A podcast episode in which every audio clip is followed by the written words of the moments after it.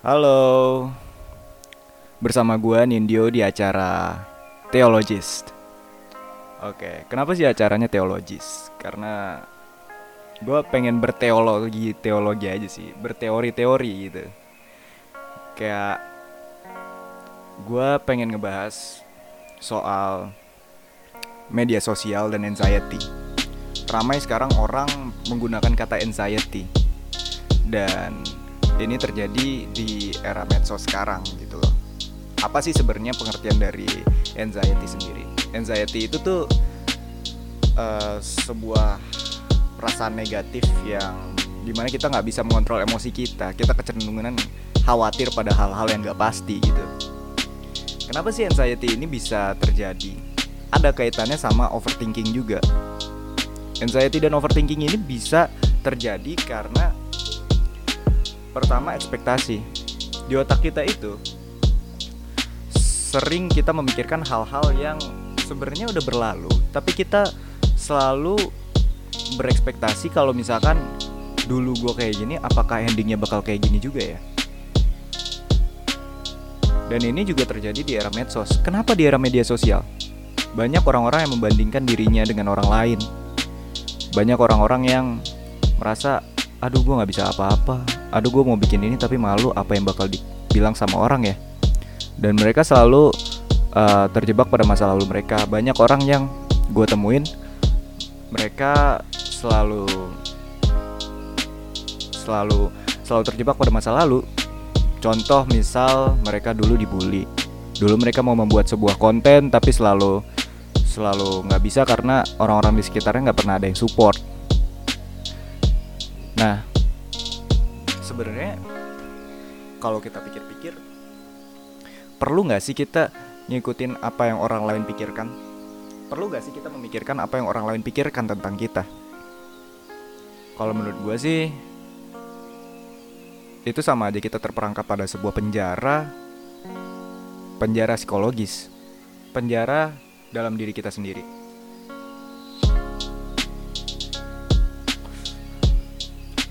tema acara ini sebenarnya soal teori sih. Uh, di sini gue pengen bahas teori dari dopamin detox yang sempat gue jalanin selama tiga bulan dan menurut gue it works to reduce our negative minds and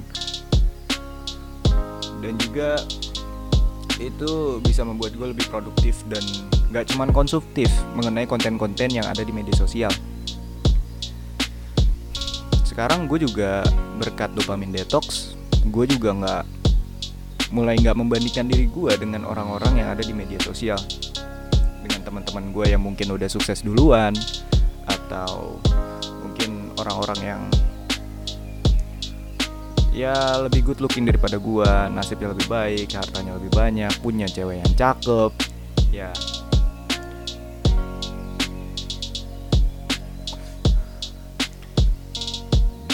Kenapa gue mau bahas ini?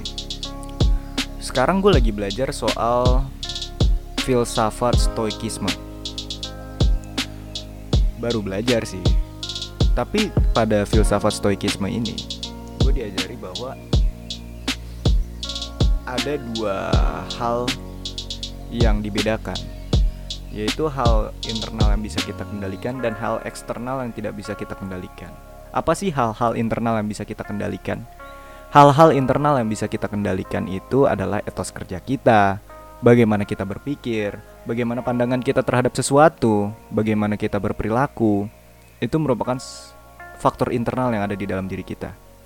Sedangkan faktor eksternal merupakan pendapat orang lain yang kita nggak bisa kontrol dong pendapat orang lain terhadap kita. Dan juga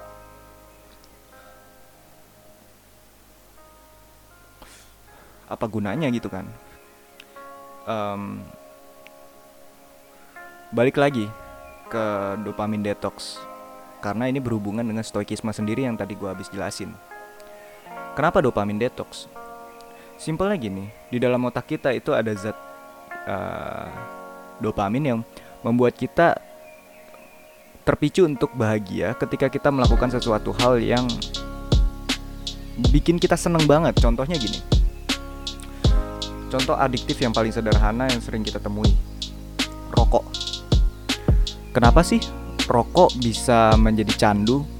Kenapa sih kita yang sudah mencoba rokok terus-menerus mencobanya? Padahal kita udah tahu loh, rokok tuh ya rasanya tembakau aja, ya rasanya gitu-gitu aja. Ya nggak enak kalau dibandingin sama yang makanan-makanan kayak nasi goreng atau soto ayam, bubur. ya, tapi kenapa sih? Karena itu tadi, dopamin kita terpicu. Akhirnya ketika dopamin kita terpicu, kita cenderung melakukan segala hal untuk mendapatkan apa yang membuat kita senang tadi. Contoh rokok. Nah, apa hubungannya dengan sosial media?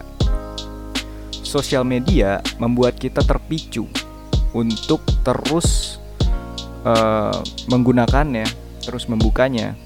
Padahal ya gitu-gitu aja isinya apa sih kalau misalkan hal-hal negatif yang biasa orang lakuin ya paling mereka selalu ngelihat Instagram Instagram story teman-temannya dan mulai membandingkan diri mereka dengan diri orang lain dan ketika hal itu terus berlanjut dan mereka candu akan hal itu akan sosial media akan timbul sebuah kekhawatiran. Contoh kekhawatirannya apa? Contohnya ketika kita taruh handphone kita di dekat kita dan terdengar bunyi uh, notifikasi, hal yang pertama kita lakukan kita langsung dengan sigap melihat handphone kita. Karena kita tidak ingin tertinggal juga dengan informasi-informasi yang terjadi di sosial media yang sistemnya sangat dinamis dan itu membuat kita kecenderungan dengan sosial media ini.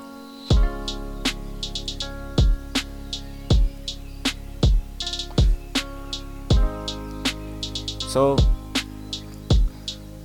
gue coba untuk melakukan dopamin detox ini selama tiga bulan. Hal yang pertama gue lakukan adalah gue menghapus atau uninstall semua media sosial yang ada di HP gue, di handphone gue, um, dan gue mencoba untuk tidak memegang handphone gue sama sekali dalam sehari, dalam tiga bulan sih. Um, hal yang bisa uh, membuat gue untuk tidak meli uh, tidak melihat handphone gue itu juga dari cara gue yaitu gue aktifin grayscale yang ada di HP gue so gue nggak tertarik lagi untuk melihat HP gue karena HP gue nggak berwarna. Karena gini kecenderungan manusia itu suka pada hal yang berwarna mewarnai hal yang visualnya bagus. Dan ketika kita tidak mendapatkan warna ya kita bosen aja. So gue coba melakukan hal itu. Dan manfaatnya untuk gue cukup banyak ya. Karena gue semenjak dopamin detox gue mulai olahraga gue menjauhkan diri gue dari hal-hal negatif seperti pornografi dan lain sebagainya. Dan gue juga mulai kembali untuk uh, mencari-cari ilmu baru seperti membaca buku terus juga karena gue juga suka fotografi gue juga menghibur diri gue dengan fotografi.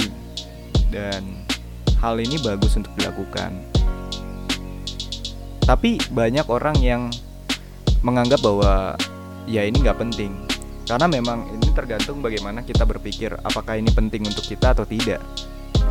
Contohnya, kalau orang yang berpikir bahwa ini tidak penting, lalu dia beralasan bahwa ya dia memang kerjanya di sosial media. Contoh dia merupakan sosial media strategis. Atau dia memang seorang konten kreator atau dia merupakan seorang tim kreatif pada sebuah agensi.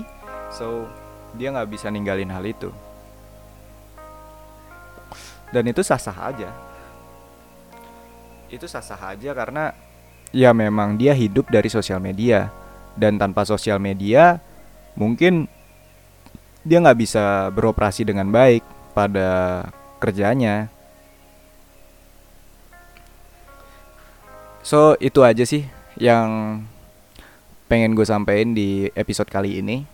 Uh, jangan lupa dengerin terus uh, acara Theologis dan support and peace out.